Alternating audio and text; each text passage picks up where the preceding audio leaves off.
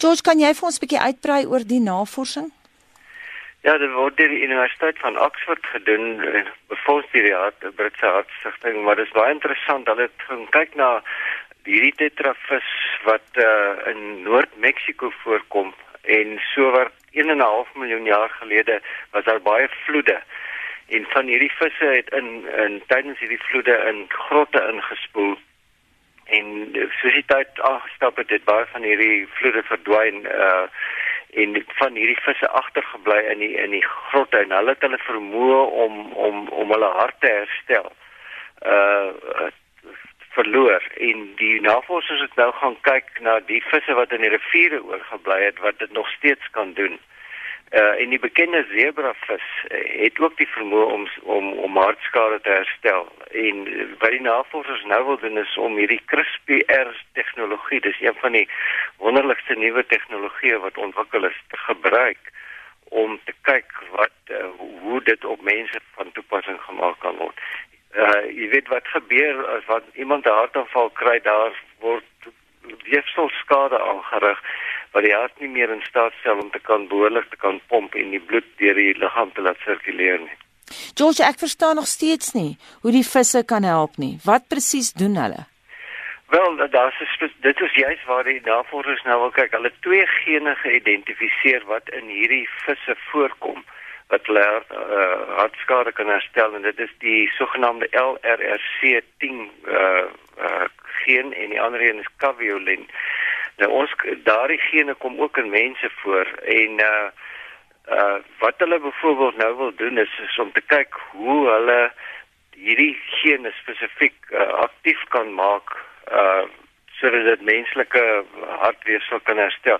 Jy weet CRISPR tegnologie het byvoorbeeld verlede jaar groot pryse gekry uh Uh, dis 'n genetiese redigeringstegnologie. Uh en van die suksesse wat hulle die afgelope paar jaar behaal het, is byvoorbeeld om 'n menslike embrio's en fetusse met spesifieke gebreke te herstel voor geboorte. Byvoorbeeld hulle verwyder die 'n spesifieke geen wat hipertrofiese kardiomiopatie, 'n hartsiekte wat by 1 uit 500 mense voorkom, te verwyder uit 'n fetus uit ander sukses was om HIV uit 'n lewende organisme te verwyder. Om kankergewasse teken dit laat krimp en selfs verdwyn.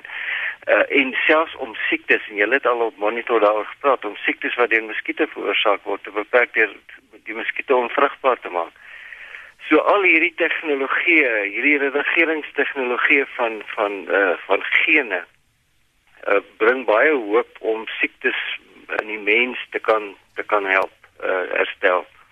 Van watter soort spertyd praat mense? Daar moet nog 'n lang pad geloop word of hoe?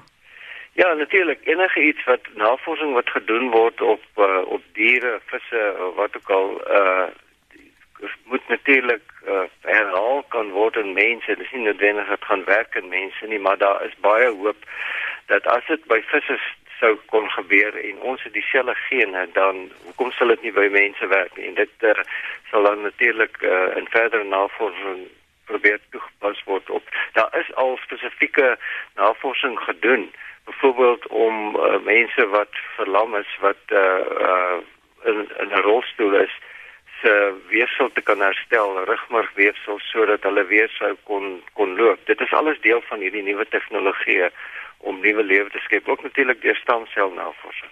George, ek wil terugkom na my vraag toe. Ons het verseker vir oggend luisteraars met hartsiektes wat na hierdie onderhoud luister. Ek wil tog vra in terme van wat dit vir hulle beteken. Weereens die spertyd, wanneer voorsien jy gaan hierdie soort van navorsing voltooi wees dat mense dit in die praktyk kan gebruik of is daar 'n moontlikheid dat dit nooit in die praktyk sal kan plaasvind dat dit dalk nie sal kan werk nie? Wel, daar's altyd die moontlikheid dat dit nie sal kan werk nie, maar die die die optimisme wat by hierdie Oxford navorsers is is is baie hoog dat dit wel sal kan werk, want daar is al ander tegnologieë wat op diere geëksperimenteer is uh, op mense toegepas. Uh jy begin by die dier uh, navorsing uh, en dan kyk om is dan speel hulle dit uit later na mense toe om te kyk of dit veilig is vir mense. Die die die dis moeilik om die vraag te beantwoord hoe lank dit kan vat want uh dit hang af hoeveel befondsing daar is die die Britse Hartstigting befonds hierdie studie juis omdat hulle voel dit is so belangrik en dat uh dat die navorsers in staat gaan stel om genoeg geld te kan hê om baie vinnig hier aan te kan werk. Jy weet ons het net genoem in die inleiding dat een uit elke 5 mense meer as 80 000 mense in Suid-Afrika sterf jaarliks aan aan hartverwante siektes.